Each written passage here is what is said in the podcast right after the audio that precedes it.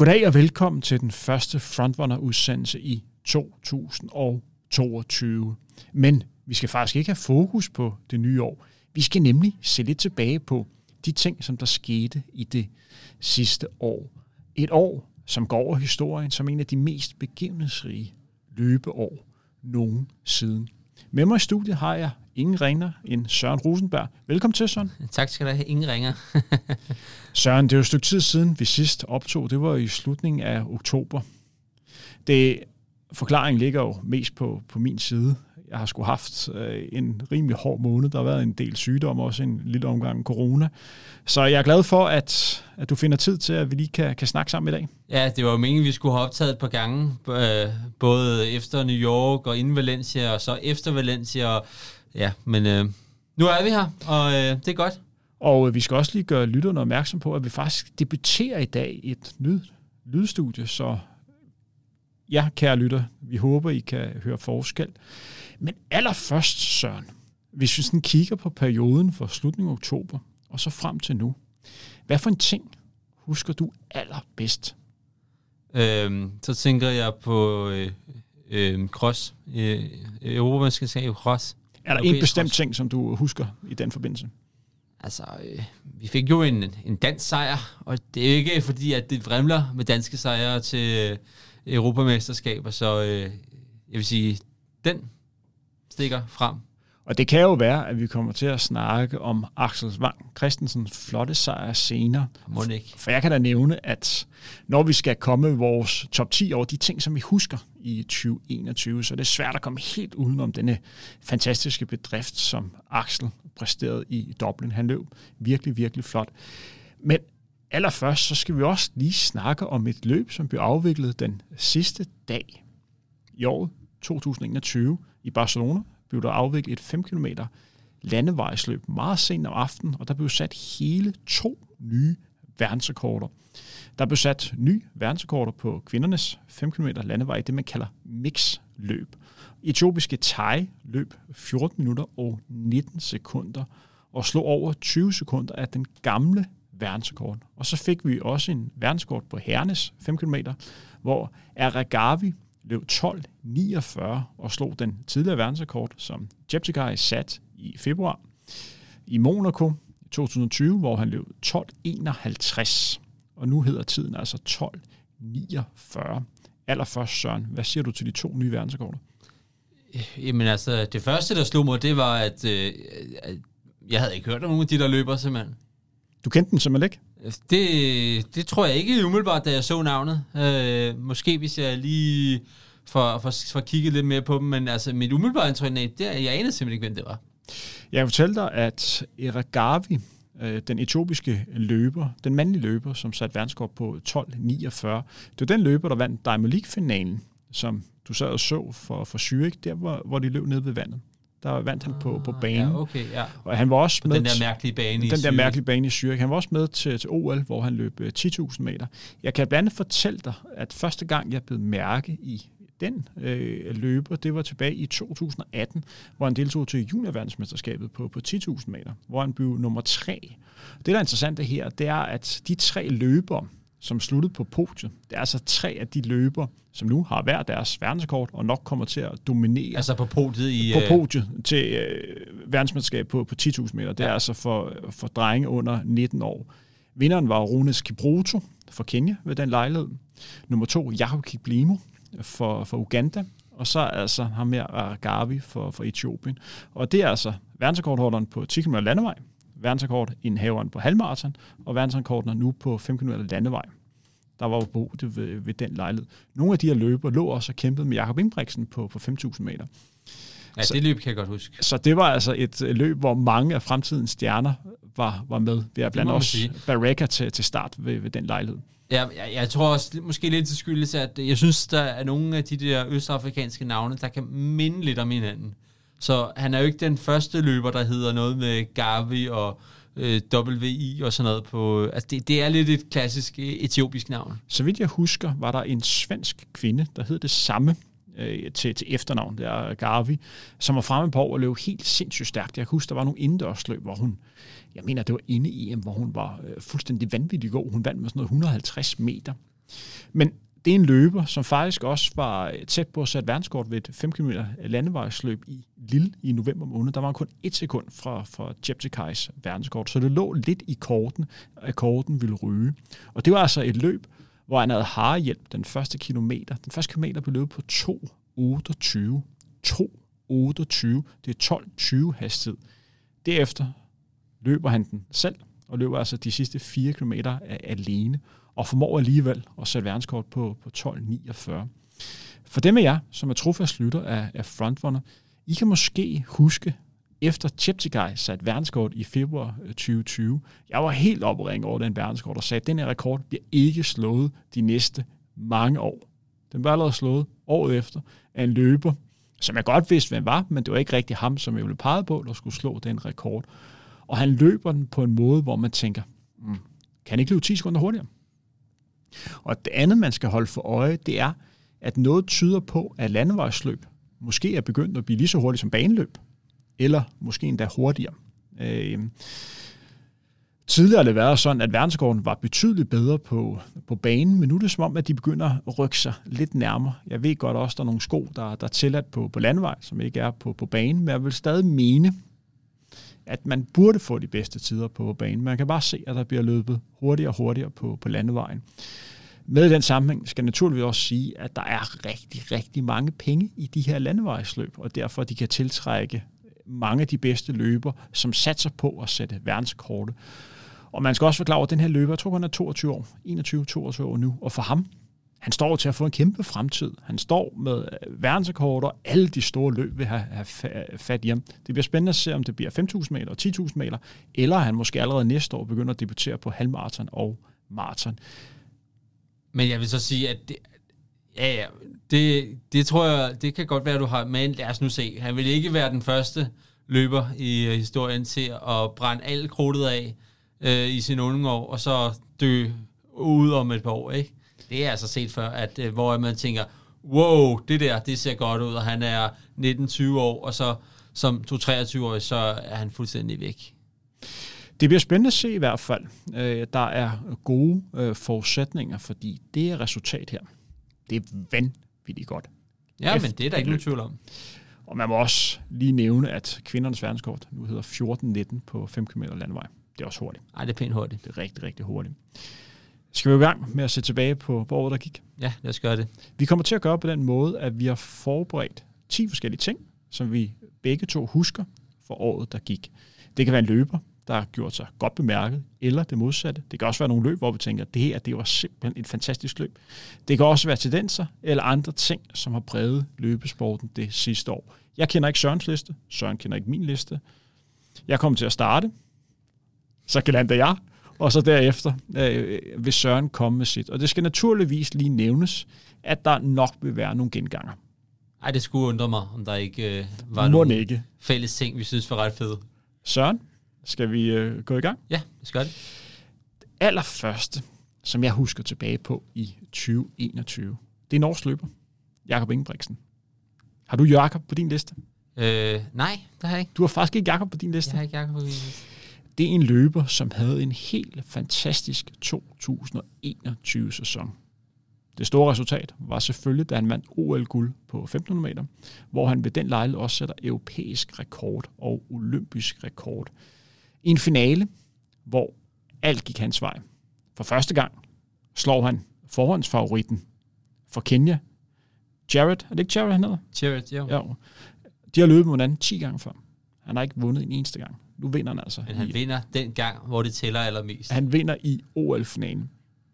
Men hvis man kigger tilbage på hans sæson, før vi gik i studiet, så nævnte du, at du har svært ved at huske, hvad der skete i foråret. Ja, jeg skulle lige tænke mig om i hvert fald. Jeg kan godt huske, hvad der skete i foråret. Jeg kan blandt andet fortælle dig, at Jacob Ingebrigtsen var meget, meget tæt på at sætte verdenskort på 1500 meter indendørs. Ja, Han var huske. få hundrededel for at slå verdensrekorden i løb, hvor han simpelthen bare smadrede... Var det Düsseldorf, Ja, Düsseldorf, hvor han bare smadrede alt og alle på de sidste par omgange. Så vandt han dobbelt guld, Windows EM i, i Polen. Han vandt både 1500 meter og 3000 meter. Der var et af løbene, hvor man har snakket om, at han skulle, skulle diskes efter. Ja, det var tre. Nej, det var 1500, han skulle diske, og så var han i tvivl, at han ville stille op på 3000 bagefter. Men, Men han, Men, endte så med at få sejren, og så stillede han også op på 3.000. Men rimelig sikker dobbelt øh, til ham. Og så er han altså i år løbet 12.48, den hurtigste tid i år på, på 5.000 meter. Som er altså også ny europæisk rekord. Det må det være. 12.48, og så har han løbet 3.28 på 1.500 meter, og altså olympisk guld. Den næste olympisk rekord. Og olympisk og rekord. Europæisk rekord. Og europæisk rekord. Den næste hurtigste tid i år er 3.28. Det er kun Chavit, som er løbet hurtigt, det gjorde han i Monaco. Derudover har han vundet Europamesterskab i cross. Det vandt han meget overbevisende øh, i Dublin. Det var svært helt at vurdere, hvor meget stærkere han kunne løbe ved den lejlighed. Man kunne bare fornemme, at han var betydeligt bedre end alle andre.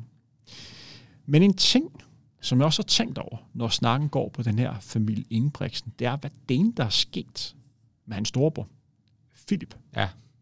Fordi Philip er ikke mange år ældre end Jakob. Jeg tror, han er 95. Philip. Jeg tror, han er 26. Vi snakker altså om en løber, som vandt bronze på verdensmesterskab på 1500 meter tilbage i 2017. Han var også langt fremme i verdensmesterskabet i Doha. Han har løbet 3.30. I år har han løbet 730 på 3.000 meter. Sådan en hederlig tid på 1.500 meter, men floppet fuldstændig to OL. Ja, han røg ud i uh, første runde. Han røg ud i første runde.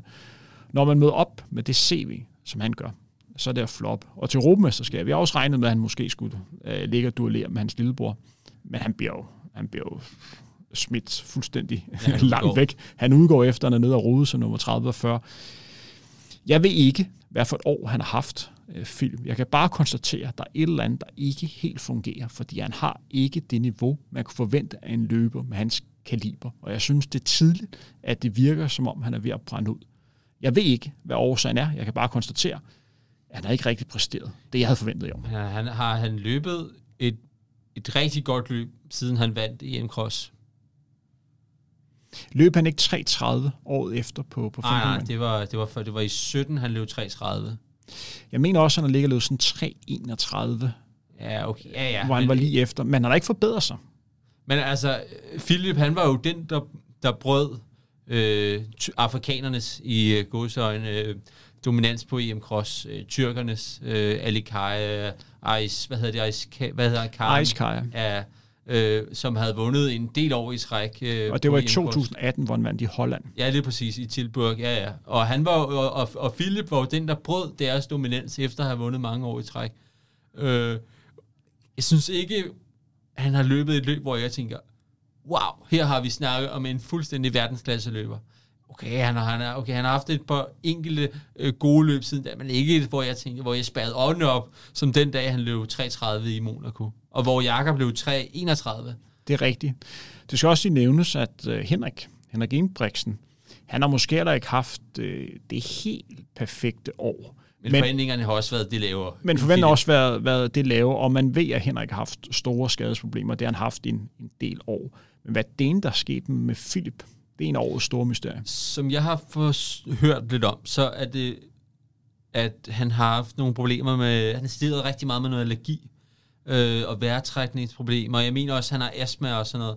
Og jeg tror, det er en, det er en kombination af, af, af, af det, der simpelthen har gjort, at han har simpelthen ikke kunne få det ordentligt ud.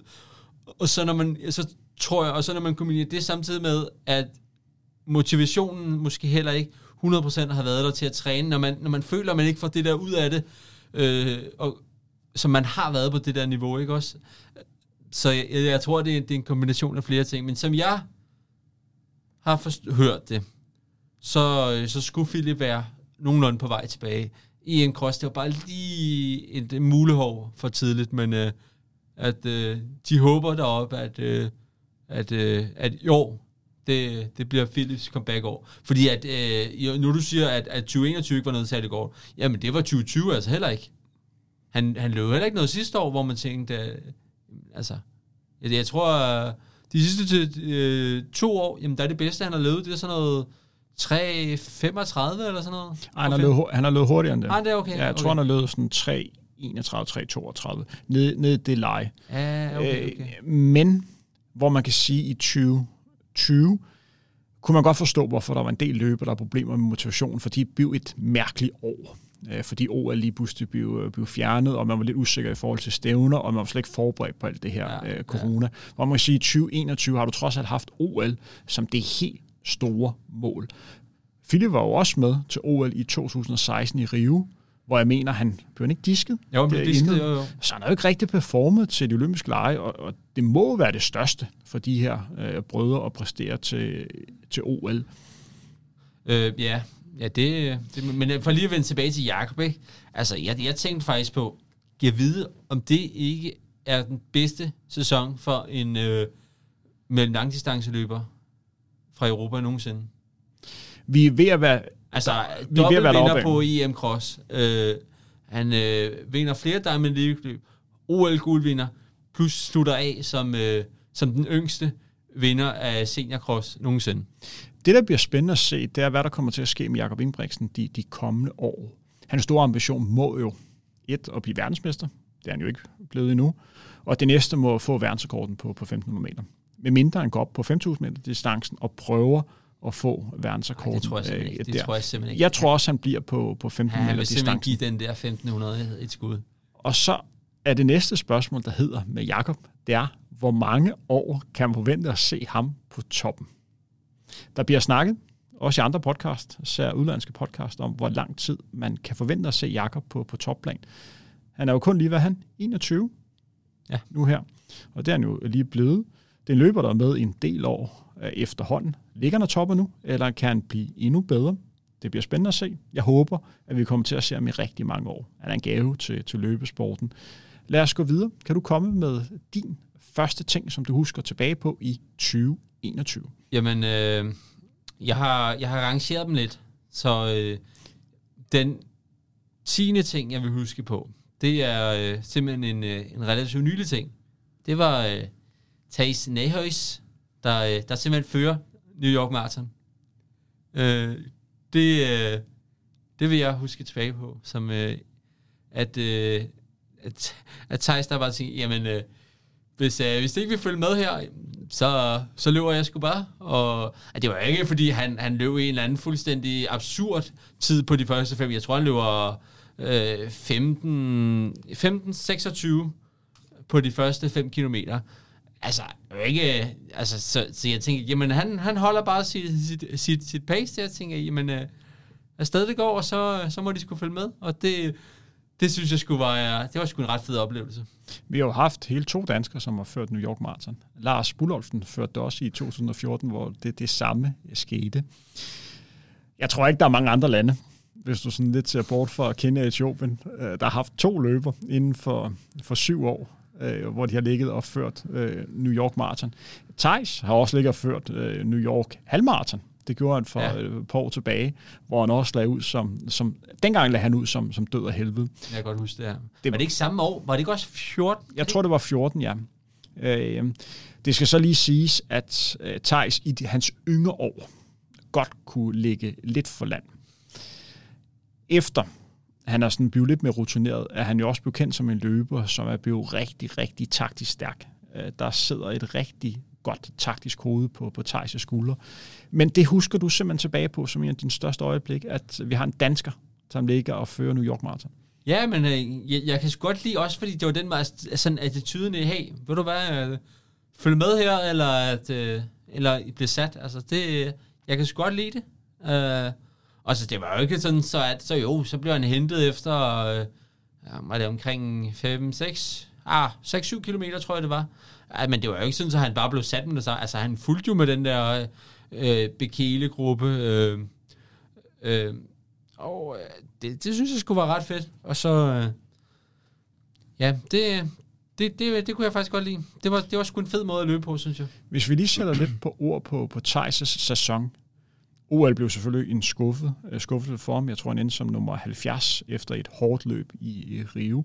Men det er også en løber, som har været på toppen stort set hele året. Mange glemmer, at Thijs rent faktisk satte dansk rekord på 5 km tilbage i, i februar i Monaco. Hvor jeg mener, han løb 13.48.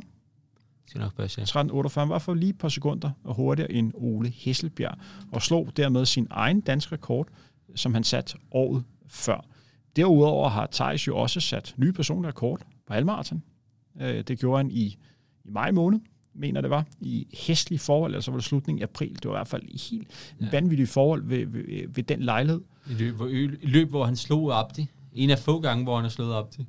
Og så har han jo også, han har også løbet på, på banen, har været har ved, ved en del lejlighed, og så også efter OL har han jo også deltaget i, i flere løb, og blandt andet også vandt en, en 25 km løb i, i Berlin.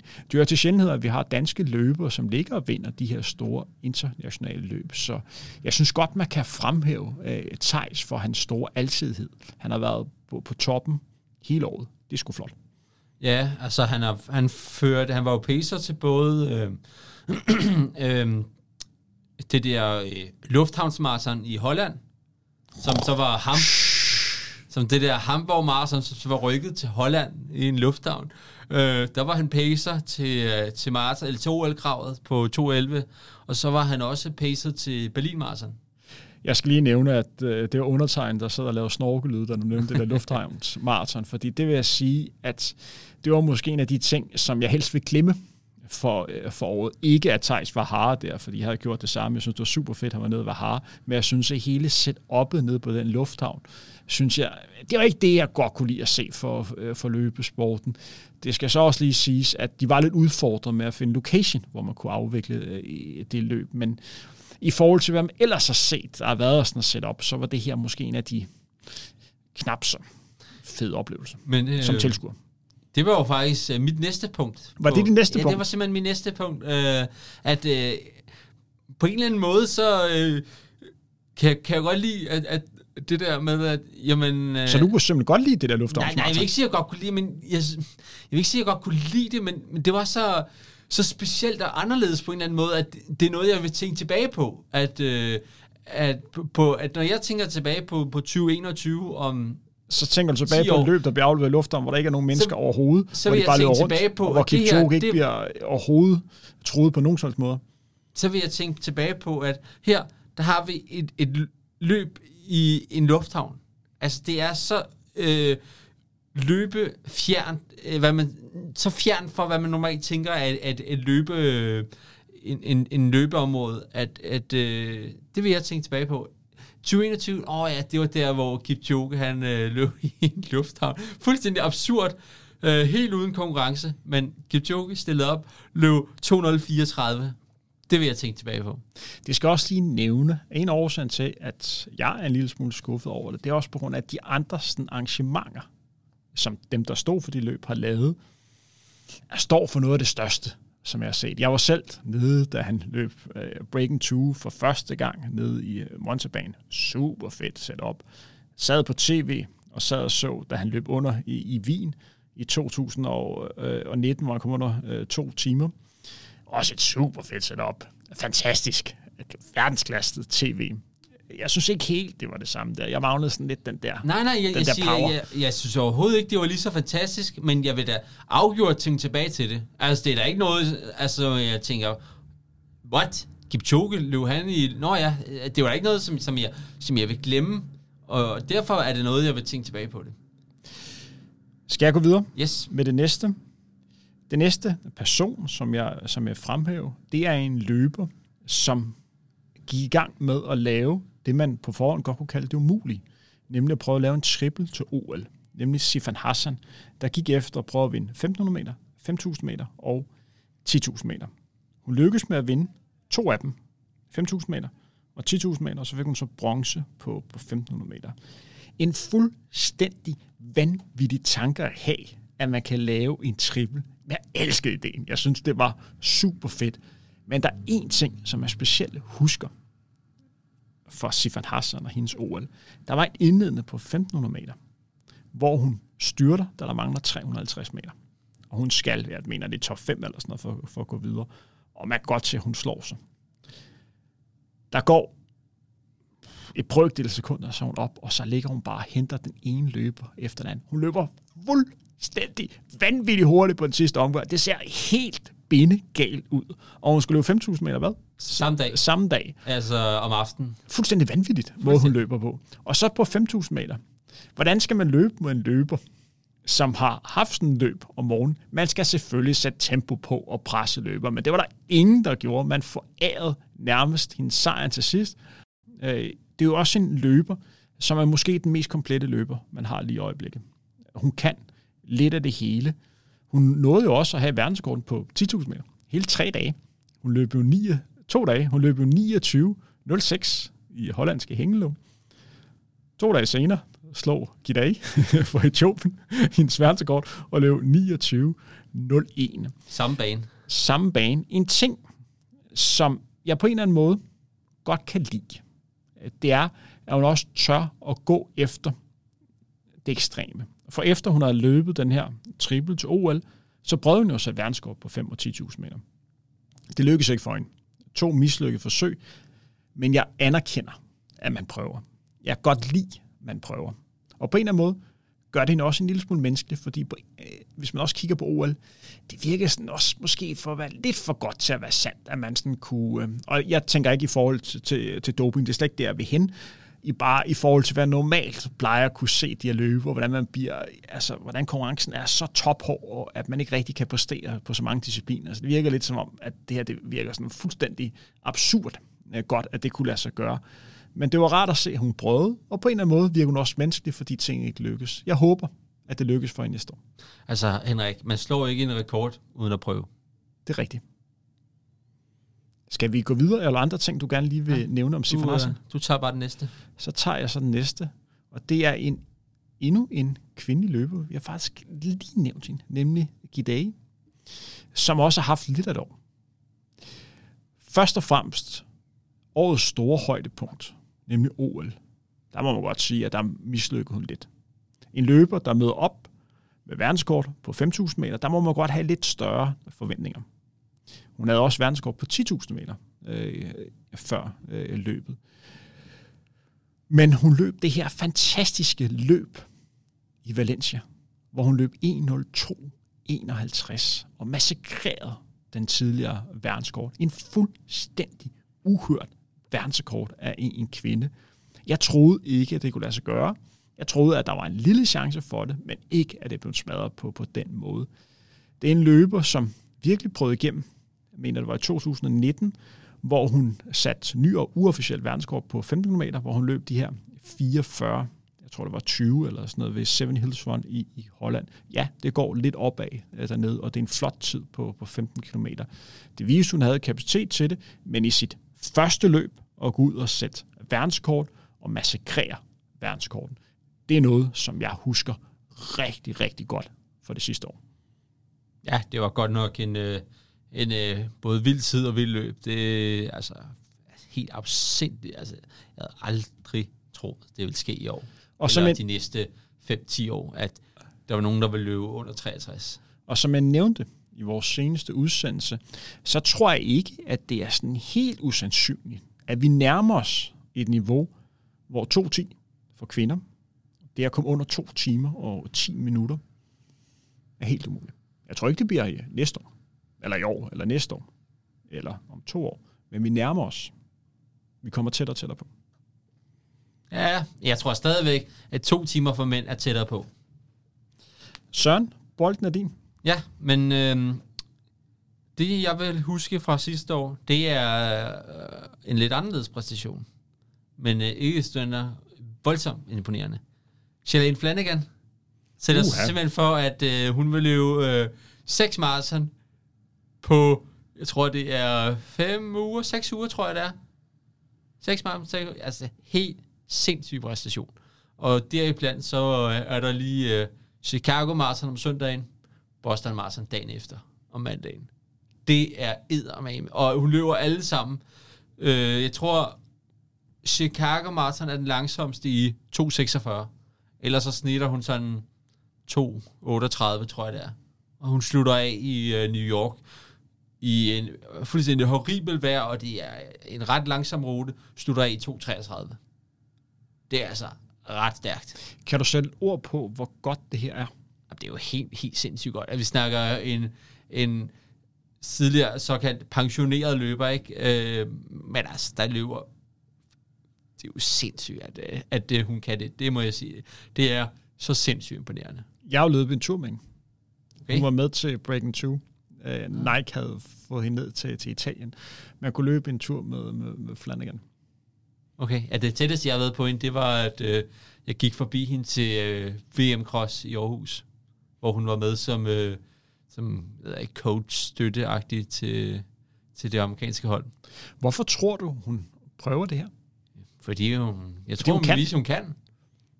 Hvorfor ikke? Fordi at øh, hun, vil, hun vil simpelthen vise, at øh, jamen, øh, prøve noget vildt. Altså, det skal lige nævne, at der er sikkert nogle, lø- øh, nogle lytter, der ikke aner, hvem det er. Kan du lige sætte på, på, hvem det er, vi snakker om? Jamen, øh, det er en amerikansk løber. Øh, hun er vel, er hun 7-38? Hun er vandt øh, New York Marathon for kvinder i 2017. Øh, hun, har, øh, hun har fået OL-sølv på 10.000 meter.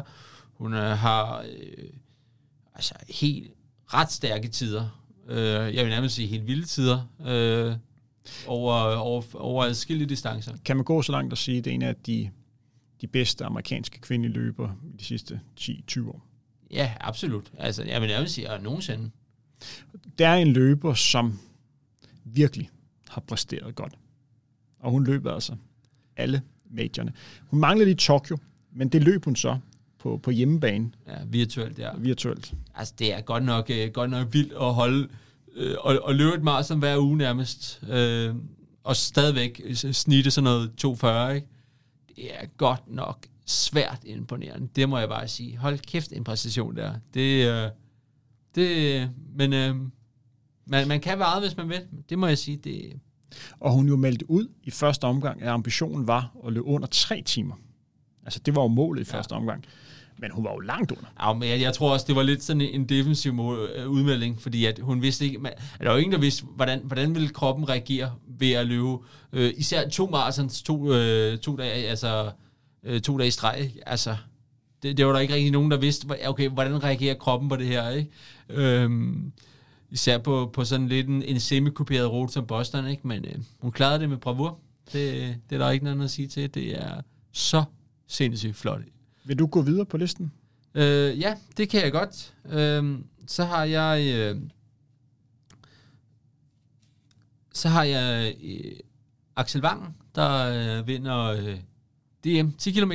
Ja, du, du troede lige, det var et andet løb, jeg skulle til at sige. Øh, nå, men øh, her er vi i øh, marts måned. Øh, på Er, er vi ikke i april? Det kan godt være, det er april. Øh, På en meget vindblæst meget, flyplads. meget, meget Der er vi tilbage. Du elsker flypladser. Altså, øh, ja, øh, og her har vi endnu en nedlagt øh, flyveplads i, øh, i Værløse. Altså, jeg, jeg tror simpelthen ikke, øh, der findes et mere vindblæst sted, som ikke er langs kysten i Danmark. Altså, det, det må simpelthen være det mest åbne og mest vindblæste sted i Danmark. Altså, øh, det er, altså, jeg har løbet derude. Det blæser altid en helt pelikan. Det er helt vildt. Og der vælger man simpelthen, jamen, øh, vi lægger skulle lige en DM10'er her, og øh, Axel, han, øh, han løber simpelthen ny, øh, øh, jeg tror, det er et owner's rekord for, øh, for 17-årige, tror jeg, eller sådan noget, i Han løber- 29-43. 29-43, ja. Ja, det er, det er faktisk en, en ret pæn tid, i, i, til, især til, til, til et mesterskabsløb. Jeg skal lige nævne, at han er kun 16 år på, på det tidspunkt. Ja. Han er ikke fyldt øh, 17, det gjorde han øh, senere på året. Og dermed vandt sin første seniormesterskab. Ja. Efter han jo prøvede til DM inde på, på 3000 meter, der gik han jo efter guldet. Ja, Han førte jo efter 16-1800 meter, der førte han jo rimelig jeg suverænt. kan godt huske det løb der. Det Så var- fik han så lidt udfordringer til sidst, men man må tage hatten af for, at han virkelig går efter guldet. Jamen, Og det har vi jo set tidligere, at øh, han, er ikke, øh, han er ikke bleg for at gå efter det tidligt. Øh, det så vi både på det der øh, 3000 meter inde, og vi så det her nyligt til cross, og, men, men også til det her DM10, hvor at, øh, han stikker et alene afsted sådan et godt stykke inden, inden mål, som jeg husker det. Jeg kan ikke lige huske, hvor længe det er, men i hvert fald et godt stykke tid, hvor han bare ligger mutters alene i front. Men øh, knægten, han, øh, han, han, er, han er balls, som man siger på engelsk, og øh, han, øh, han holdt den. Og man skal, Ja. også, man skal også lige sige, at der, vi har så mange danske mesterskaber herhjemme. Der er bare nogle, hvor der er lidt større prestige end andre. Og det skyldes det faktum, at du har løber med for alle discipliner. DMT-kilometer er et godt eksempel, fordi du har mellemdistanceløberne med, du har maratonløberne, du har øh, crossløberne, og så decideret 5 og 10.000 meter øh, løber. Stort set samtlige løber, der kunne noget, der var på enkelt, der manglede, var med til DMT-kilometer. Og der er altså en 16-årig, der vinder. En uhørt bedrift. Det må man sige. Men igen, det var lidt sjovt, at man lagde det på værløse flyplads alle steder. Da jeg hørte den nyhed, så tænkte jeg, værløse flyplads? Altså hvis det bare blæser to meter i sekundet, så er det nærmest storm derude. Hvis det blæser øh, syv, 8 meter i sekundet, så kan man ikke være der, man kan stå ikke løbe, man bliver bare skudt væk, fordi der er bare konstant vind derude. Man må finde sådan en, en chill-faktor bare for vind. Så hvis det blæser 1 meter i sekundet, så er det 5 meter i sekundet i værløse. ja, det, det er helt galt derude. Er det min tur? Det næste, jeg gerne vil have fokus på, som sagt, du sat op i sådan en nummereret rækkefølge. Det har jeg ikke gjort. Jeg har bare skrevet 10 ting ned, som jeg husker for det sidste år. Vi skal igen snakke om, om Axel. Jeg har lavet en kategori, der hedder de unge danske fremadstorme løbere. Jeg har simpelthen valgt at sætte Axel og Joel sammen i en kategori, også Sofie Tørsen, for synes hun skal nævnes, for jeg synes, hun har haft et helt fantastisk sæson. Hvis vi starter med Sofie først, så har hun jo fået medalje til Europamesterskabet. Fik hun ikke medalje? Det mener jeg. Fik hun ikke sølv? Jo. Øh, derudover har hun også sat ny dansk ungdomsrekord på 2 km, 2 km fendring med 6.24. Hun slog Anne Emilis et tidligere rekord. Dagen efter slog hun Anne Emilie Møller til Royal One på milen. Det er altså lidt af en skalp at få. Det må man sige. Og det er, skal kun forstås på en måde. Det er en kæmpe anerkendelse af Mille Møller, fordi hun er en mega stjerne. Hun er sindssygt god, og i særklasse den bedste løber, vi har haft i rigtig, rigtig mange år. Og hende slår hun altså til, til Royal Run. En af få danskere, der har slået Anne Emilie. En af de få danskere. Derudover har hun også løbet, det har du sikkert ikke klar men hun har løbet 15 55 på 5 km landevej. Det gjorde hun ved et landevejsløb i Herlev, et, et, et, et simpelt motionsløb. Det er altså en hurtig landevejstid. Vi nærmer os noget af det bedste, der er løbet på, på distancen. Anne Emilie har den danske rekord. Hun har også løbet, jeg mener, hun løb 4.19 på, øh, øh, hvad kan man sige, på 1.500 meter, og så har hun 9.16 på, på 3.000 meter. Og så til Europamesterskabet i, i cross. Vi har meget fokus på Axel, som jo ender med at blive Europamester. Vi kommer til at snakke om ham lidt, det er jeg næsten øh, sikker på. Men hun var jo meget langt fremme, mand. må man sige, men rundt tilbage, så var hun træer. Altså øh, lige bag de forreste, ikke? Altså man, man glemmer lidt, hun hvor tæt hun var på sidste runde, på at få medalje. Jeg er godt klar over, at løb, der handler om at være med, når afslutning er. Men hun er altså langt fremme. Ja, det må man sige. Jeg har faktisk set, jeg så lige og, og, og genså løbet i dag, og øh, øh, hun... Øh, man kan godt se, at øh, hun, hun, var lidt, hun var lidt stegt på, da hun gået på sidste runde der, ikke? Men øh, altså, hun løber jo sindssygt godt. Man kan godt se, at, at øh, der, der er altså krummer i hende der. Det, det må man sige. Hun har haft et helt fantastisk år, og det bliver spændende at følge Sofia Tøresen i 2022 og de kommende år. Det kan blive rigtig, rigtig godt. Hvis jeg lige skal sætte et par ord på Axel Wangs sæson og, og Jol. Jeg er rimelig sikker på, at vi kommer til at snakke om den senere, så jeg vil kort lige rise op, hvordan deres sæson har set ud. Hvis vi starter med Jol, så startede han jo med at kvalificere sig til Europamesterskab indendørs på, på 3.000 meter. Det var en sæson, hvor han ender med at løbe, jeg mener det er 7.53 indendørs, eller så er det 7.52. Det er mange år siden, at vi har haft en dansker, der ligger og løbe de tider indendørs. Og det med, at han, øh, er 17 år på det tidspunkt, og han kvalificerer sig til Europamesterskab i seniorklassen, det er altså rigtig, rigtig flot. Så går vi i gang med forårssæsonen, der er ikke mange baneløb, for han løber 13.40. Den hurtigste tid herhjemme siden Dennis Jensen, 4-5 år i træk, lå at løbe de her tider under 13.30. Så bliver han europamester på, på 5.000 meter. Meget overbevisende i hans aldersklasse øh, i, i Tallinn. Så bliver han dansk seniormester på, på 5.000 meter. Rimelig sikker sejr. Og så er han altså sidst på året, der får en medalje til Europamesterskabet i cross. Jeg synes, at det er vanvittigt imponerende, at han formår at være i form hele året igennem. Jeg synes, det viser lidt af en karakter. Henrik, nu spørger jeg lige hurtigt. Hvem har haft den bedste sæson af Joel og Axel? De har haft en lige god sæson. jeg kommer ikke til at svare på det spørgsmål. Ej, okay, okay. Og jeg vil godt uddybe det efterfølgende. Hvis du kigger på Axel, Axel sæson, han løb jo også, han løb lige omkring 8, eller kom han lige under 8, det tror jeg. Kom, ja, ja, ja, de lige kom under alle sammen 8. under 8. Ja, Ja. det gjorde de. Men øh, var ikke med til Europamesterskabet. Nej, jeg på- mener, på han 3000. var fjerde mand. Kan det ikke passe? Jo, fire mand, ja. Og så bliver han så dansk seniormester på, øh, på 10 km ja. landevej. Og så løber han også de her 13.44 på 5.000 meter. Han var med i samme løb, hvor, hvor Joel og Mikkel løber rigtig, ja, rigtig Mikkel stærkt. Daniels Messen, ja. Og så vælger han så at løbe forhindring til Europamesterskabet øh, i juniorklassen, hvor han ligger før indtil det går ud på sidste omgang. Jamen altså indtil 200 meter. Indtil 200 meter, så bliver han så overhældt til sidst af en rigtig, rigtig stærk spansk altså, løber. det er simpelthen, altså havde, havde jeg, jeg, jeg siger, havde han løbet det løb lille smule øh, klogere, i stedet for at han, han løber på akselmåden og bare øh, sætter dem alle sammen fra start. Jeg, havde han bare lige holdt lige 5% igen, ikke? Så, så havde han også holdt i mål, fordi han, med, med 200 meter igen, så fører han med 10-15 meter. Men at, altså, der, der er simpelthen intet tilbage i tanken til sidst, hvor han så bliver overhalet. Men han løber en rigtig, rigtig flot tid ved den Ja, ja. hvad ligger han løber? Nogle af 30? Eller lige omkring 40? Jeg kan ikke helt huske det. 8, 41, 41. En, en flot tid. Ja, ja, absolut. af, af en, en ung løber, og han løber virkelig sin chance. Så ved jeg, at han havde lidt udfordring i løbet af efteråret. Jeg ved, at han håbede på at løbe en, en god 10 km i, i Prag. Han håbede også på at, at vinde i, i metageløbet.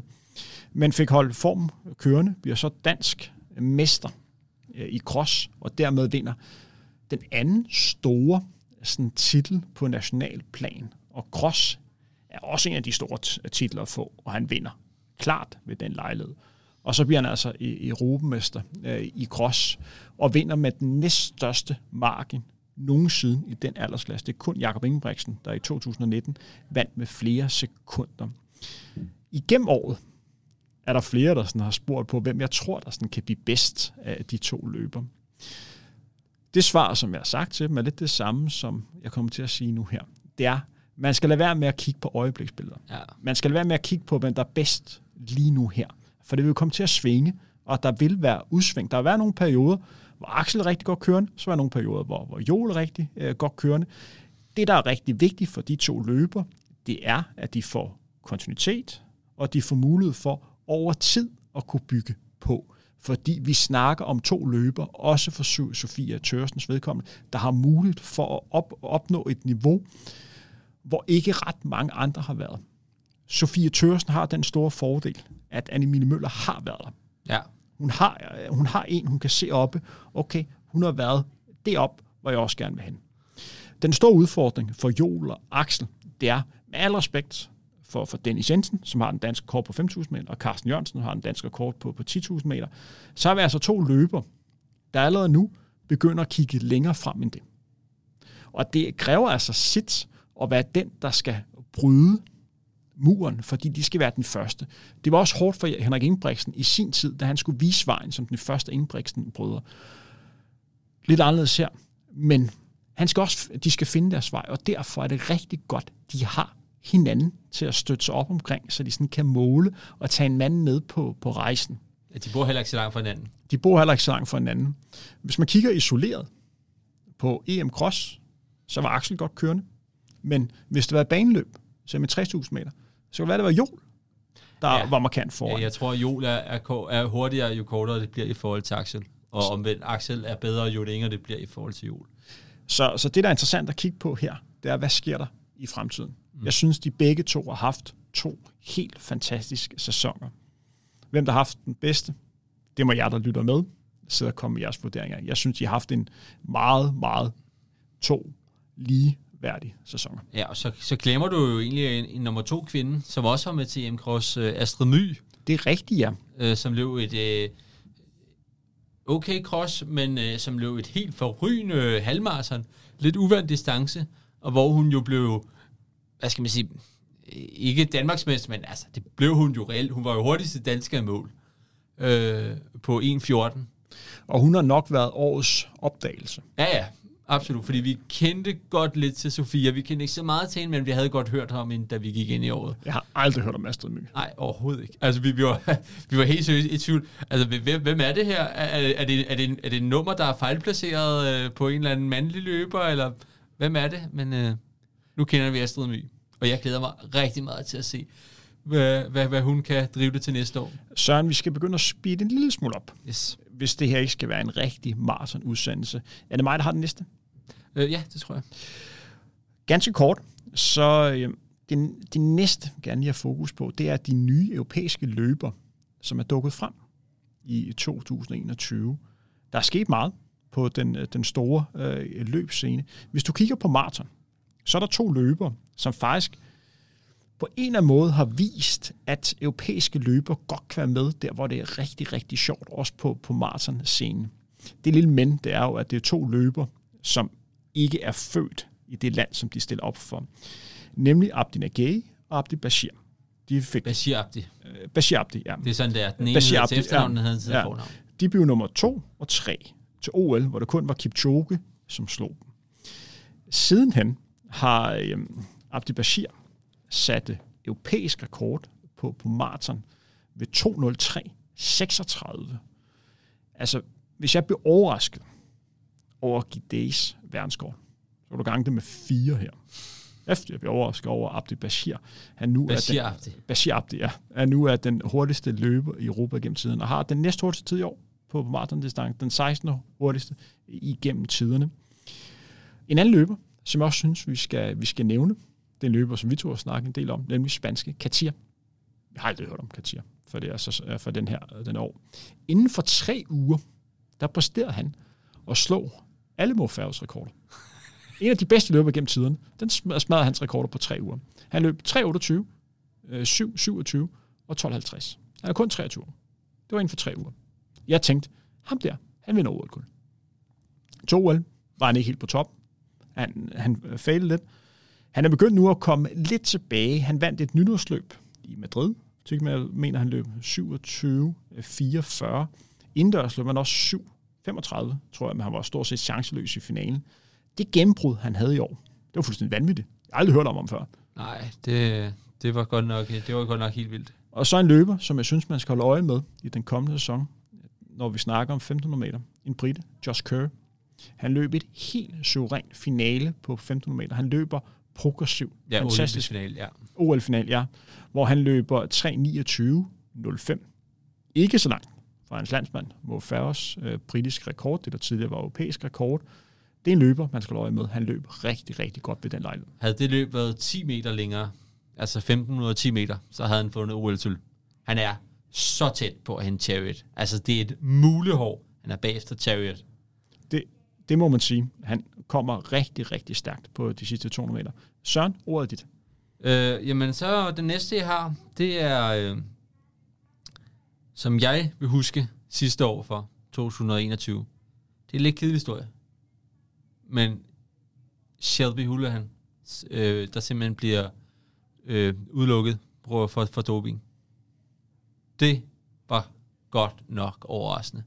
Du må lige sætte lidt flere ord på det. Øh, jamen, øh, amerikansk rekordholder på øh, 1500 meter og 5000 meter. Øh, klar medaljefavorit på, hvad end hun stillede, om hun ville stille op på 1500 eller 5000. Jeg kunne se hende tage medalje i begge to. Ja, ikke begge, men enten eller. Øh, og øh, det var jeg godt nok overrasket over. Så hun, øh, hun øh, bliver simpelthen taget for, øh, for at have taget et stof, der hedder nandrolone. Jeg tror ikke, jeg ved ikke, om der findes noget dansk ord for men et eller andet ret ukendt stof, øh, som man ikke normalt forbinder med, øh, med, med mellem langdistance. Men øh, det bliver hun taget for, og hun har altså fået et, en, øh, en udelukkelse på fire år. Det var jeg godt nok overskidt over. Det, øh, det havde jeg ikke set komme, så... Øh, men øh, hende havde vi så ikke to år desværre. Skal vi gå videre? Søren? Ja, jeg ved ikke om, øh, hvad, hvad, hvad, hvad, hvad, hvad tænkte du, da du så... Øh, Jeg blev også chokeret. Men på en eller anden måde, så har jeg det også sådan, når folk bliver taget øh, for doping, så synes jeg, det er godt, fordi mm. systemet øh, viser, at det virker. men du var også virkelig chokeret over Jeg det. var, jeg var chokeret, men samtidig er, at, er jeg rigtig glad for, at vi har et system, der kan tage dem, som snyder.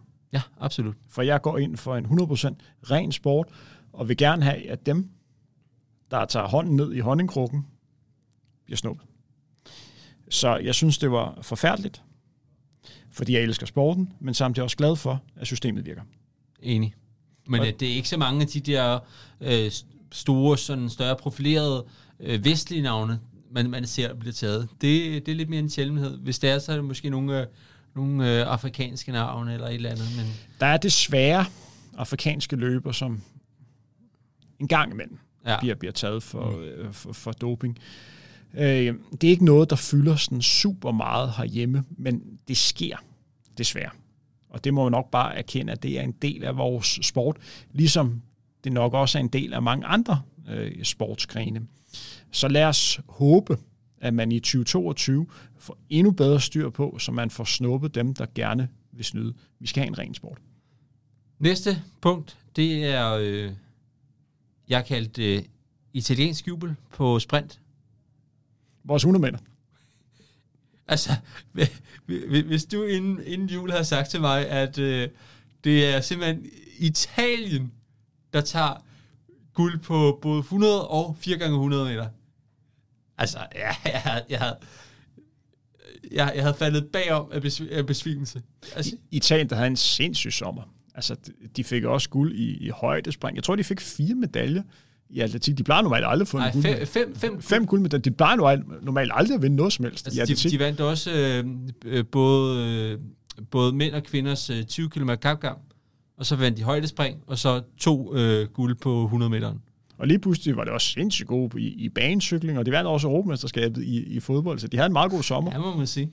Så øh, der, Altså, der, der er sket gode ting i Italien. altså men, men, men, men øh, vi- hvis du ser på Marcel Jacobs, der, der tager 100 meter, altså, øh, jeg mener, jeg så, jeg er ikke helt sikker, men jeg mener, inden de første heat på 100 meter, så tror jeg, han stod i sådan noget odds 55 eller sådan noget, odds 60, øh, til, til at tage OL-guldet. Altså, altså langt fra altså, bare overhovedet at være en outsider. Altså, altså kæmpe langt fra. Han var måske nummer, må sige det som nummer, skal vi sige, nummer jeg ved ikke 30 eller sådan. Okay, han vandt godt nok øh, uh, EM inde i, uh, i, uh, i foråret, men altså, altså kæmpe langt fra, hvor man overhovedet ville se ham som en, som en mulighed, men uh, han ender sgu med at tage den.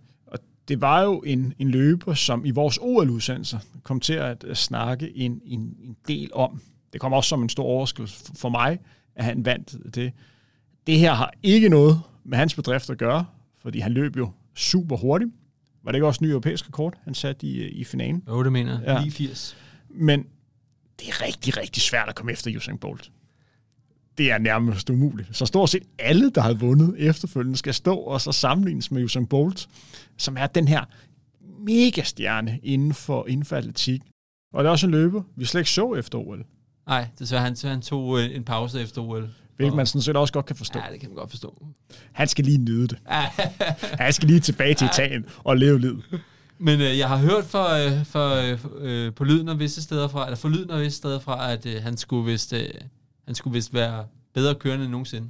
Det bliver spændende i øh, 2022, hvor der er blandet af verdensmesterskabet i Eugene, Ja, og Europamesterskab i Europamesterskabet, som, øh, som jeg glæder mig til.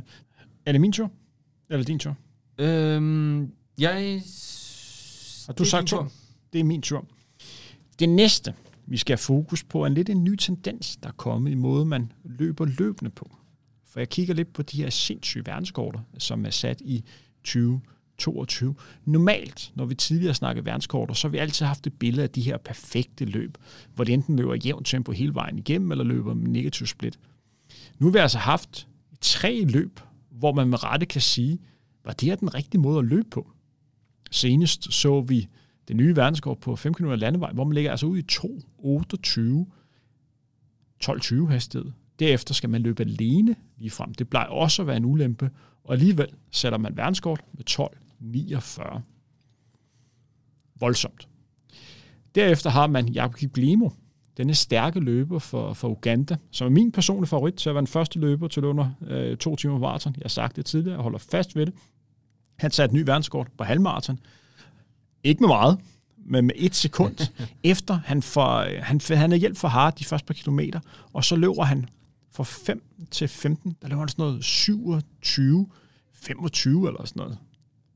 endda hurtigere. Jeg tror, det er sådan et fuldstændig vanvittigt tempo, han løber ved, ved den lejlighed, og bare, altså, bare sætter hjernedød øh, tempo på, og også bare øh, viser, okay, altså, det der med, at man har stabilt tempo undervejs, hvis man har ben, og der er mulighed for at løbe stærkt, så løber man hurtigt.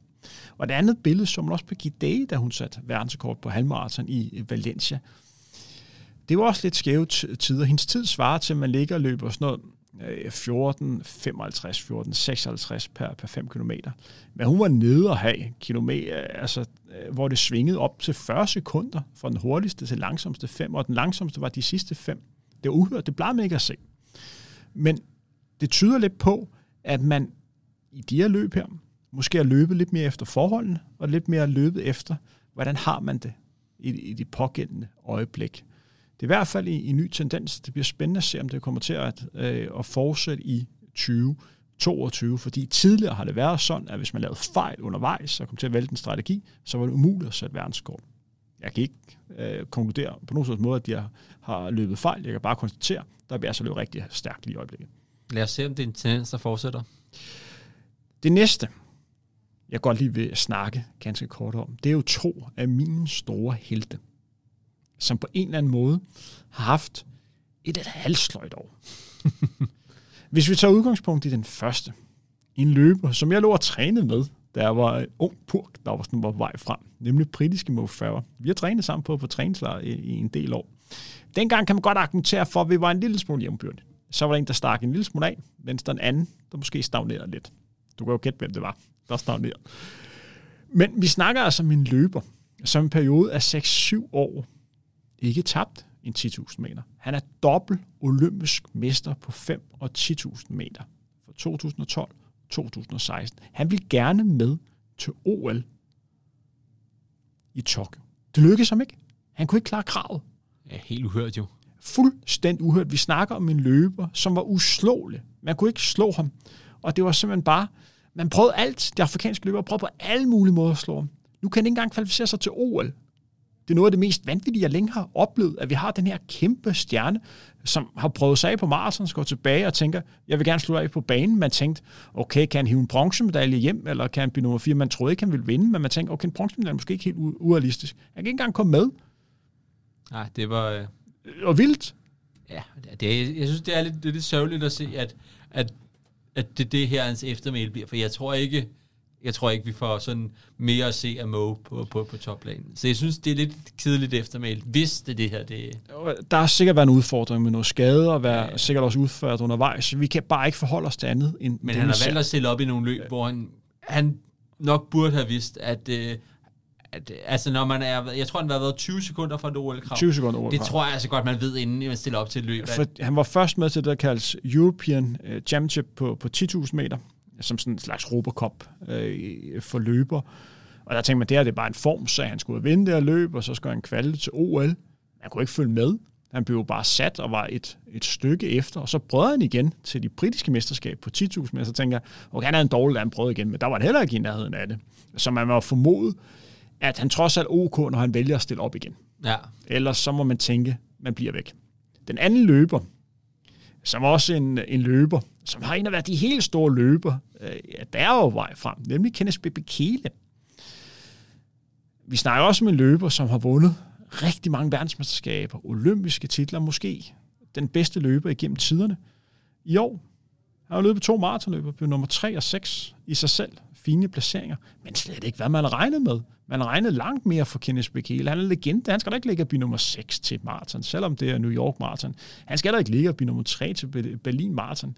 Det er uhørt for Bekele. Det er ikke så bekelisk, om man så kan sige. Nej, og på en eller anden måde, så...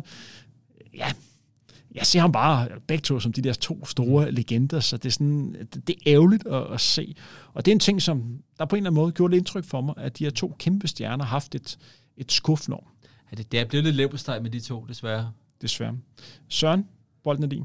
Jamen, øh, så øh, det er simpelthen en distance, som som indtil for, hvad skal vi sige, fem år siden ikke øh, var, øh, var, var så, så, så, så bredt, eller så stor, men, men blev det lidt i Danmark øh, på grund af Sara Slot, men øh, det er simpelthen 400 meter hæk, som øh, sidste år, og især til OL, altså øh, fuldstændig, hvor vi, vi så nogle fuldstændig vilde løb og vilde tider, hvor der blev sat øh, verdensrekord, klar verdensrekord, med, med jamen altså, mange, mange procent i begge løb, både hos kvinder og mænd.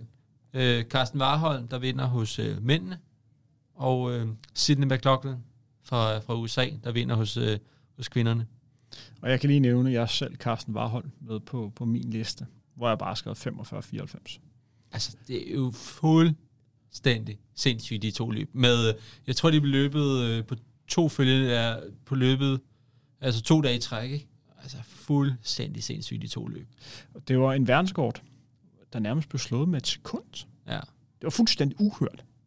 Og det var en verdenskort, som var lige blevet slået i, i forvejen. Og der var der flere, også i herrenes løb, der var, der var under øh, det her løb.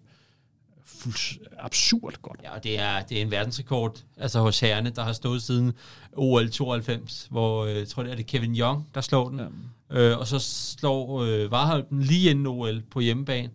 Og så er det lige pludselig tre løbere, der løber under den gamle. Jeg kommer med en påstand nu her om uh, Carsten Warholm. Okay. Det er, at uh, jeg tror, at det er løberen, der måske slår Rhodesia Sværnskov på 800 meter. Ja, jeg ved godt, du har, du har sagt det der før 800, men jeg, jeg, vil, 40, 91. jeg vil se det før, jeg tror det, at uh, han, uh, han, han rykker op i distance. 2023. Glæder dig. Jamen, øh, altså Henrik, du har kaldt den før nogen anden. Jeg kalder den. Øh, men øh, jeg, jeg siger så, det kommer ikke til at ske. Jeg, jeg siger nærmest hellere, han, han prøver sig på noget kortere noget. Det kunne jeg måske godt se. Jeg, jeg gad godt se ham, helt ærligt, jeg gad godt se ham på en 100 meter. På en 100 meter? Ja, jeg tror, jeg tror sgu godt, han kunne slå norsk rekord. Jamen, altså, du har, du har set før med, øh, med Michael Norman, der går ud og, og, og sætter... Hvis du, at Michael Norman, der er 400 meter løber, han sætter øh, den bedste tid i verden i, to, i 2020 på 100 meter. Inden vi går videre, Søren, så er tiden kommet nu til, at du skal være med i min lille quiz. Jeg er Uh. nemlig forberedt i quiz. Det består af et enkelt spørgsmål. Okay. Hvilken dansker ligger højst på Europaranglisten herhjemme, både for herrer og damer? Alle discipliner på nær stafet. Hvilken dansker ligger højst på ranglisten i 2021? Uh, hold da kæft. Um, jamen, øh, så tager jeg Axel. Axel Wang Ja. på seniorranglisten, Ja. der ligger han længst fremme.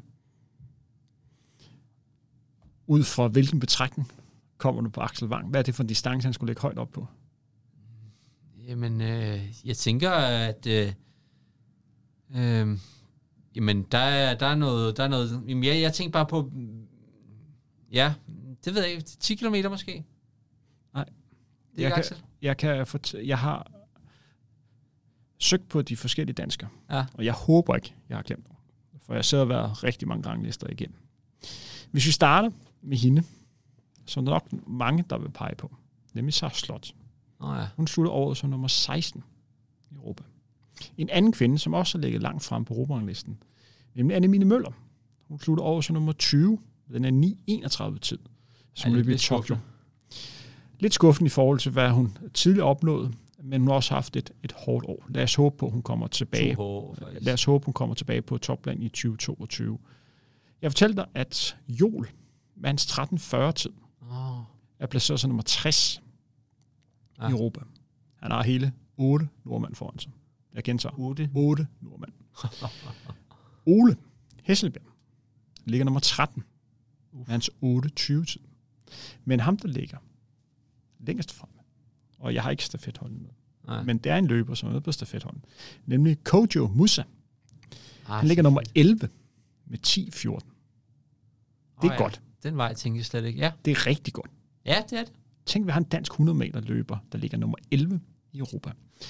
Søren, vi skal videre Var det til... ikke første gang i 100 år, eller sådan noget, vi havde en dansk 100 meter løber med? Altså individuelt til OL? Jo, vi kan lidt komme ind på det, som faktisk er en af, en af mine Okay. okay. punkter efterfølgende. Det er altså fuldstændig vanvittigt dansk sprintår, vi har haft. Ja. Altså, vi har to sprintlandshold, som er med til OL. Man kan snakke om, at det var heldigt, at de kom afsted. Lad os skyde til hjørnet og bare konstatere, de leverede varen. To Det må man dansk sige. rekord herrene var meget tæt på at komme i finalen. De var tæt på at slå USA ja, ved øh, stafetten. Og hvis man kigger til DM i Odense, så blev hvad det, fire ud af de fem hurtigste tider nogensinde løbet i DM-finalen på 100 meter. Uhørt højt niveau. Det samme billede er også nogenlunde gældende for, for kvinderne. Der er udvikling måske bare været lidt over flere år. Men den her stafetsatsning har også været i gang øh, i flere år. Rigtig, rigtig imponerende. Og kronen på værket har været så Kojo, nummer 11 i Europa, 10-14. Det er fandme hul. Ja, det er flot. det er det.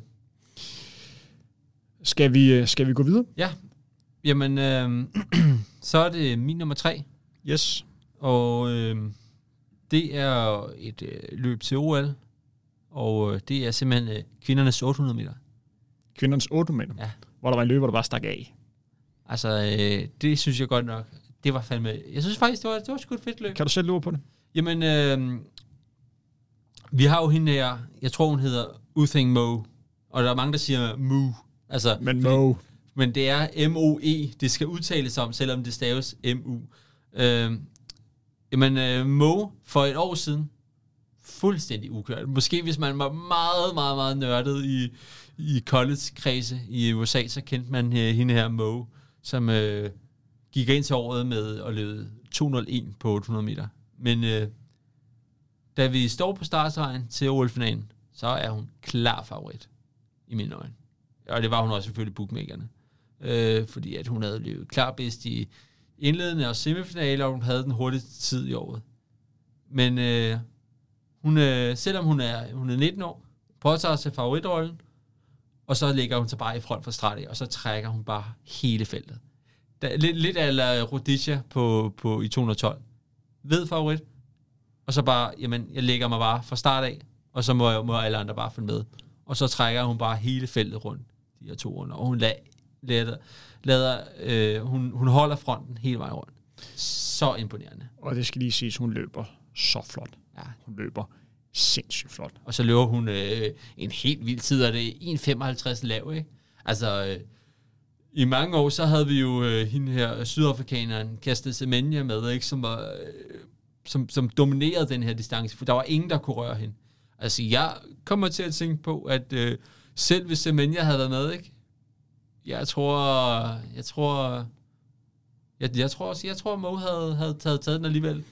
Og Semenya, hun var fuldstændig urørlig i så mange år på den her distance. Nogle gange dukker der nogle løber op, hvor man bare kan se, det her, det er bare naturtalent. Ja. Og det var sådan, jeg havde det, da jeg så hende løbe. Og man kendte hende overhovedet ikke, da man gik ind til året. Men hun løber 1,55. Det, Det- æder med vildt. Det var rent verdensklasse. Og hun, hun tager den 100% for spids. Der er ikke nogen, hun har ikke nogen pacer på eller sådan. Hun løber bare det her løb for spids. Det er...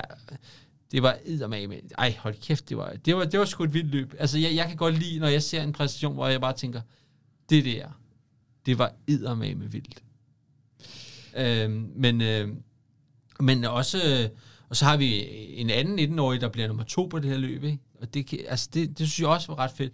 Øh, men jeg, og så, øh, jeg, jeg kunne bare godt lide det, fordi det var øh, så afvekslende løb, og nu sad jeg og så løbet, genså jeg her løbet her i dag, ikke? og øh, med 200 meter igen, ikke? løberen, der ligger sidst i feltet, Raven Rogers, hun bliver nummer tre. Løberen, der ligger nummer to med 200 meter igen, bliver sidst med et halvt sekund til nummer næst sidst. Øh, en gule, jeg kan ikke lige udtage, en gule, fra Jamaica. Men, men det er altså, så har man altså et afvekslende løb, når, når placeringerne kan skifte på den måde. Og derfor synes jeg, det var et fedt løb. Vi har fire historier tilbage. Du har to, og jeg har to. Skal jeg tage en? Du tager en, Yes. og så kører vi på den måde. Den næste punkt, og det bliver kort, men der er løber, som jeg lige bliver nødt til at fremhæve for nogle ekstreme gode resultater. Vi tager udgangspunkt i danske atleter. Allerførst, Kojo Musa, 10-14, fortjener kæmpe respekt. Det er godt nok hurtigt. Men hvis vi har fokus på de lidt længere løb, så synes jeg, at det bedste resultat, rent tidsmæssigt, vi har fået hjemme i år, eller sidste år, var Ole Hesselsbjergs danske rekord på 3000 forhindring. 8.20, der blev løbet i juni måned i Finland. Ole var en af de første løber, som har slået mange af de danske rekorder, som har stået i rigtig, rigtig mange år. Vi har rent faktisk en del danske rekorder, når vi går ind og kigger på herrenes løb, som har stået der i mange år. 800 meter verdenskort, eller dansk rekord bliver nok ikke slået lige forløb. William Kipketer, så har vi 1500. Dansk rekord, det er Robert K., det er 33, det kommer også tage lidt tid. 5 meter, 1325 det kan være, at vi nærmer os de, de næste par år, men der er ikke nogen, der har slået den, har stået siden år, år 2000. De to andre, øh, Robert og Wilson, har stået siden øh, 97. Og så har vi så 10.000-rekorden Carsten Jørgensen, som har stået siden øh, 1999. Den her 3.000 forhindringsrekord blev sat i 87, og den bliver altså slået i år. Det er rigtig mange år, den har slået. På de længere distancer, Carsten Jørgensen, dansk rekord på halvmarathon, blev også sat i 99. Marathon blev sat også i de her, hvad var det, 87, at den blev sat. Dansk rekord på marathon, Henrik Jørgensen. 85. Var det 85, den blev sat? 85, ja. Han vinder, han, vinder, i, han, vinder, i 88. Han vinder i 88, men det var 85, han satte Så det, det er mange år, at de rekorder har stået. Men nu får vi altså en, en dansk rekord, og det var Ole. 28 en fantastisk tid. Men den største bedrift, en mellem langdistanceløber. Jeg ved godt, at vi har haft en dansk juniorløber, som har vundet Europamesterskabet i cross. Vi har også haft en juniorløber, som har vundet øh, bane, 5.000 meter løber. Men Abdulat maratonløb, synes jeg, fortjener lidt anerkendelse. Han løb et rigtig, rigtig flot, kontrolleret, progressiv løb og blev nummer 23. Det kræver sit forhold. under svære forhold. Elite atletik handler om at præstere, når det gælder. Det har Abdi efterhånden lært. Han har præsteret både til EM, til VM og nu til OL. Det er det, man bliver målt på, når vi snakker Team Danmark og Danmarks Idrætsforbund i forhold til støtte. Det handler om at præstere der. Der er et stykke op for, når vi snakker Team Danmark i forhold til top 8, men i forhold til den bredde, der er med, og mange, der løber maraton. Så det at blive nummer 23 til OL på maraton, synes jeg er rigtig, rigtig flot. Og så vinder han øh, DM Halmarsen dagen efter, eller var det to dage efter, hans øh, danse, show på TV2. Efter han var, var dansetrol. Ja. Men jeg synes, hans maratonløb til OL fortjener anerkendelse. Jeg tror også, han er en lille smule skuffet. Jeg tror, han har håbet på mere. Jeg tror også, han har det i sig. Jeg glæder mig til at se ham i 2022. Det er dig. Jamen, øh, så... Øh, det er jo lidt løb, vi har været inde på, men jeg vil lige runde det igen. Det er simpelthen junior-crossløbet. Og der er en grund til, at jeg ikke har det øverst på min liste. Det var simpelthen fordi, jeg så ikke løbet, Henrik. Det var et af de, altså, hvad skal man sige, bedste resultatmæssige løb med, med danskere, vi har haft i mange, mange, mange, mange år. Men der var simpelthen problemer med det møgstream, var jeg lige øh, Så jeg har kun, jeg har kun set løbet efterfølgende. Det var jeg simpelthen så ærgerlig over. Så jeg, jeg, jeg fik ikke den der jeg, jeg har ikke den der eufori omkring løbet, fordi jeg fulgte ikke, jeg, jeg, jeg fulgte det på, øh, på øh, hvad skal man sige, hvad hedder det, ikke live, men live tekst, eller hvad det hedder, ikke? Og det var jeg så ærgerlig over. For det er overhovedet ikke det samme. Altså, jeg er så ærgerlig over, at jeg ikke, jeg ikke fik den der oplevelse af at se det her løb. Især den måde, nu har jeg jo set løbet efterfølgende, og den måde Axel løber det på. Fuldstændig forrygende. Kæmpe klasse jo. Øhm, så øh, ej, var, det var, hold kæft, det fedt løb det var. Hvis jeg lige skal sætte på, på ord på, på det løb, jeg også, også nævner, vi har jo lavet en snak med Axel her på, på Frontrunner, hvor han sætter lidt ord på hans øh, taktik og hans overvejelser omkring løbet. Han er meget ærlig og meget konkret i hans måde at gå t- gå til tingene på. Men jeg synes også, at det var en uhørt bedrift, han, han lavede den dag. Han løb på et rigtig, rigtig højt niveau vi nærmer os der, hvor vi, hvis vi går ind og kigger på, hvor godt er det her, så tror jeg, at man skal øh, have det i mente, at han har et niveau lige nu her, hvor det ikke er helt utænkeligt, at han kan sætte dansk rekord på 10 km landevej. Vi har et dansk rekord på, på 10 km landevej, der er på 28, jeg tror det er 24, som Claus Hansen sat i, i midten af 90'erne. Axel er ikke langt frem. Han nærmer sig. Det er det niveau, vi snakker om. Han er ekstremt god rigtig, rigtig god. Enig. Så det er ikke et tilfælde, at når man kan, har niveau til det, at man kan, kan løbe, som han, som han gjorde. Fordi vi er meget, meget tæt på, hvor det begynder at blive rigtig, rigtig godt. Og vi skal heller ikke glemme, at Jol bliver nummer tre, og løber også et fantastisk løb. Hvis Axel ikke havde været der, så vi alle sidder klappet hænderne over, at Jol var blevet nummer tre. Så er der blevet nummer to. Så var han så blevet nummer to. Men fantastisk med to dansker på, øh, på, på podiet. Ja, jeg er enig. Øh, fuldstændig enig. Og øh, nu, om ikke så længe, så laver vi jo en udsendelse om øh, forudsigelser for, øh, for det kommende år. Og vi kigger også lidt tilbage på forudsigelser fra sidste år. Øh, og øh, der glæder jeg mig godt nok til at se, hvad, hvad du har i brug. Jeg tænker, tror næsten, du har noget Axel Jol med. Men øh, det får vi se. Det er det mig, lytter, der tager den næste? Det må lytterne glæde sig til. Jeg kan lige tage den, og så kan du, Yes. øh, du kan slutte af. Som sagt, min var ikke nummereret, så det er sådan 10 ting, som jeg vil huske. Øh, Den sidste ting, som jeg sådan vil, vil huske, jeg skal også lige nævne, jeg også Carsten Warhold med, men det har vi snakket om. Men det er lidt mere, at øh, 2021 også har været året, hvor man stadigvæk har fokus på optimering. Man har i mange år, eller ikke i mange år, man har sidste år snakket om, hvad kan man sige, udvikling af løbesko. 2021 begynder også at snakke om, hvordan udviklingen også har ramt banesko og, og piksko. Og sågar til OL begynder man også lige pludselig at snakke om, at der bliver lavet nye baner, hvor man på en eller anden måde kunne få endnu mere støtte og få endnu mere øh, power, få endnu mere energi tilbage. Og det var også en årsag til, at man løb, løb stærkt.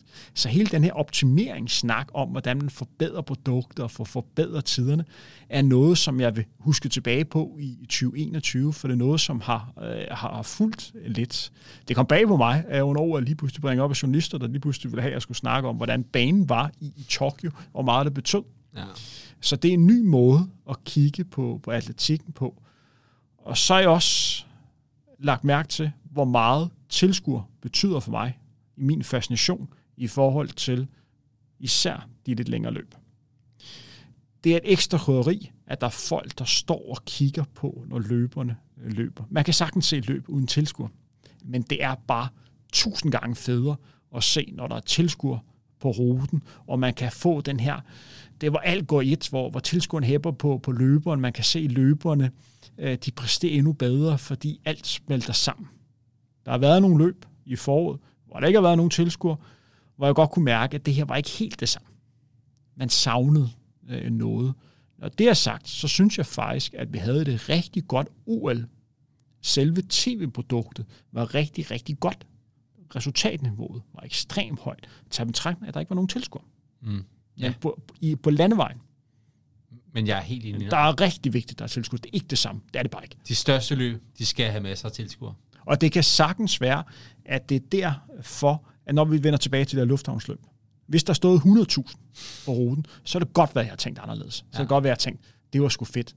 Når de ikke var der, så lægger man mærke til omgivelserne, og lægger mærke til det her øh, triste forårsdag, som det var, og man har fokus øh, på det, og så kigger man konkurrencen, der ikke er eksisterende, og så sidder man og tænker, ah, er der ikke andre ting, man sådan kan, øh, kan lave? Man savner den der dynamik, som tilskuerne øh, kan give. Sidste punkt, Søren. Jamen, øh, det er simpelthen det største løb for mig.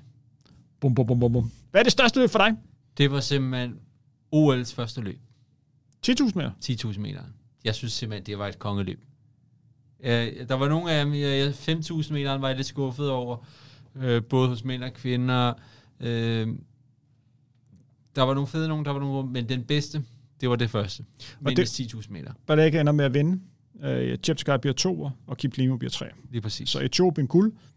Øh, Uganda, Uganda sølv og bronze. Ja, men jeg synes simpelthen, det var så fedt et løb. Og der var de der forskellige taktikker, der spiller sig ud undervejs. Øh, Steven Kisser, der, der, der stikker afsted i starten. Der bliver offret. Øh, men man kan ikke rigtig se, for han, jeg synes ikke rigtig, at han får nogen med. Ja, De der forskellige, der spiller ud undervejs. Man ser uh, Ronix Kiboto, der prøver at lægge pres på undervejs. Der udspiller sig så mange forskellige ting. Og, og, så- og så den sidste øh, runde der, men altså, jeg synes, det var et kong. Jeg, jeg følte mig underholdt hele vejen. Det må jeg sige. Det gjorde jeg. At, at det der afvekslende, det, det kan jeg godt lide. Jeg synes også, det var et, øh, et fedt løb. For mig er det ikke højdepunktet, men jeg giver dig fuldstændig ret i, at hvis man kan lide løb, der handler om andet end at bare løbe så hurtigt som A til B, Ja. så er det et rigtig, rigtig fedt løb, fordi der er rigtig meget taktik i det løb. Der er rigtig meget at tage ud og snakke om efterfølgende, fordi jeg synes, at det var Uganda, som mistede guldet Enig. den dag. De spændte ben for sig selv. Fuldstændig. Mere end det var Etiopien, der vandt guld. Ja, Jamen, jeg er helt enig, og, og, og det er også det, der gør det fedt. Øhm, altså, hvis man skal se sådan, hvad skal man sige, objektivt på det, sådan rent øh, atletisk på det, jamen, så var øh, øh, de to 400 hækløb øh, nok bedre. Men der spiller personlige præferencer jo ind for mig også, fordi at jeg er ikke så meget til de der sådan helt korte, fordi det bliver simpelthen det bliver for hurtigt til mig, på en eller anden måde. For kort til mig. Øh, og derfor så foretrækker det de lidt længere løb. Øh, så, så derfor er 10.000 meteren større for mig, selvom, åh, så, kan sige, jeg ved ikke, om jeg sige objektivt, men sådan atletisk, så var øh, de kortere, nogle af de kortere i hvert fald bedre. Det var i hvert fald et løb, hvor at vi fik en etiopisk øh, vinder, og Cheptegei, han tog revanche nogle dage efter, hvor han vandt øh, OL-guld på, på 5.000 meter. Ja. Og det er også et løb, hvor vi havde løberen, som vi startede med at snakke om, nemlig Berekas landsmand, Ragavi, øh, med. Ja. Og han har jo senere præsteret rigtig, rigtig godt. Søren, vi er nået til vejs ende, efter vi har kigget tilbage på et helt fantastisk løbe og generelt atletikår i 2021. Det, I hørte i dag, var en udsendelse, hvor undertegnet Henrik Thiem og min øh, gæst Søren Rosenberg kigger lidt tilbage på de 10 ting, som de hver især husker bedst for det, det sidste år. Jeg håber, I, kære lytter, kunne, kunne lide det. Vi har i hvert fald gjort vores, vores absolut bedste. Du har hørt Frontrunner. Mit navn er Henrik Thiem. Tak til dig, Søren Rosenberg. Det var så det, så Kæmpe tak til jer, kære lyttere, som har hørt med. Forhåbentlig hele vejen. Vi høres ved igen inden længe.